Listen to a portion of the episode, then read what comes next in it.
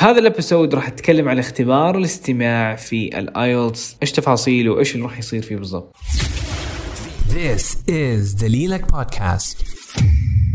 يا هلا وسهلا و good afternoon guys اليوم يوم ال listening حتكلم عن هذا الاختبار وهذا الجزء من الاختبار وحاعطيكم نبذة سريعة عنه لأنه الأيام الجاية حجي واتعمق واحل لكم أسئلة وتكنيكات إلى آخره.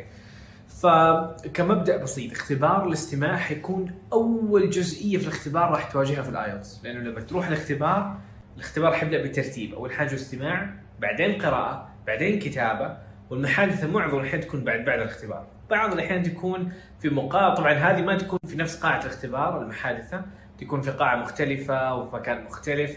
حيعطوك حيعطوك موعد. بعض الاحيان يكون في نفس اليوم بعض الاحيان اليوم اللي قبله بعض الاحيان اليوم اللي بعده. لكن معظم الاحيان بيكون بعد الاختبار احتمال 50% حيكون المحادثه بعد اختبارك الورقي التحريري يعني آه كمقابلة مع شخص نيتف هذا في المحادثة. حاجة خلينا نفهم إيش اللي بيصير في الاستماع وبعدين حيجي الأقسام والتفاصيل الباقية.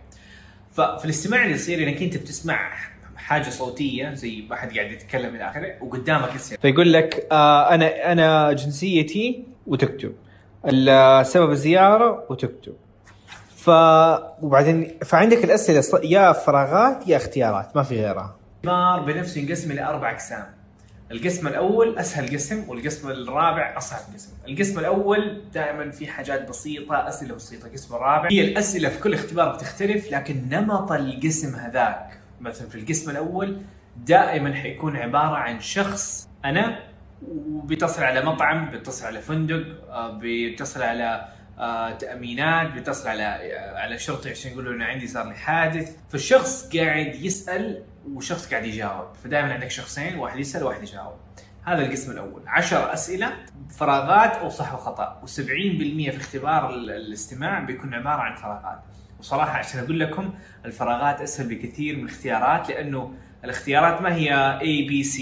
الاختيارات عبارة عن إجابات مطولة وأنت لما تسمع صعب إنك تتابع في كل اختيار. والموضوع ما هو زي ما تقول إنه لازم وأنت قاعد تسمع شريط ما حيوقف. ثاني عبارة عن شخص يتكلم لمجموعة من الناس وينصحهم في أشياء أولية. مثلا قاعد يشرح عن مكتبة. قاعد يعطي لهم نبذة عن آه، المدرسة. قاعد يوضح لهم كيف إجراءات ال- الإخلاء. تمام؟ فدائما يشرح حاجة لمجموعة صغيرة من الناس وموضوع بسيط ما هو حاجة معقدة. فيشرح لمجموعه صغيرة من الناس ومتوسط من الناس يشرح لكم حاجة معينة. ومعظم الاحيان هذا السؤال يحتوي على خرائط. كذا يقول لك خريطة ويسيب المكان فاضي. فهنا أنت عليك تقول هذا مبنى الجامعيين هذا مبنى السكن هذا مبنى المختبرات. فإنت ويسيب لك في مكان فاضي فإنت عليك تكتب. فهذه من أحد الأشياء الموجودة في هذا في القسم الثاني في الاستماع. هذا المثال. وهذا بالضبط سكشن 2 تمام؟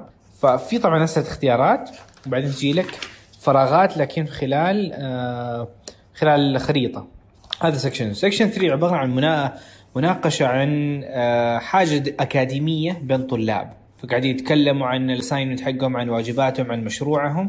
وفي أكثر من شخص بيتكلم. فهنا شويتين بيشتت لأنه في شخصين ثلاث أشخاص بيتكلموا في نفس الوقت. آه فأنت عليك تميز بين بين كلامهم لأنه كل واحد له اسم معين فعليك تكون متابع وتختار. هذا سميه نوعا ما صعب. اول قسمين أسهل بكثير. القسم الرابع الله يعينكم عليه. القسم الرابع عبارة عن محاضرة أكاديمية مثلا The History of Weather Forecast فهنا بيقول التاريخ إيش نسميه؟ تنبؤ بال- بالطقس. كيف قاعدين يسووا وال... وال... والأساليب والزمان كيف كانوا بيسووها دحين كيف قاعدين يسووها. فنوعا ما معقد والإجابات معظمها تكون فراغات. فعشان كذا أعتبر إنه وكمان حتى الكلام ال vocabulary يكون more advanced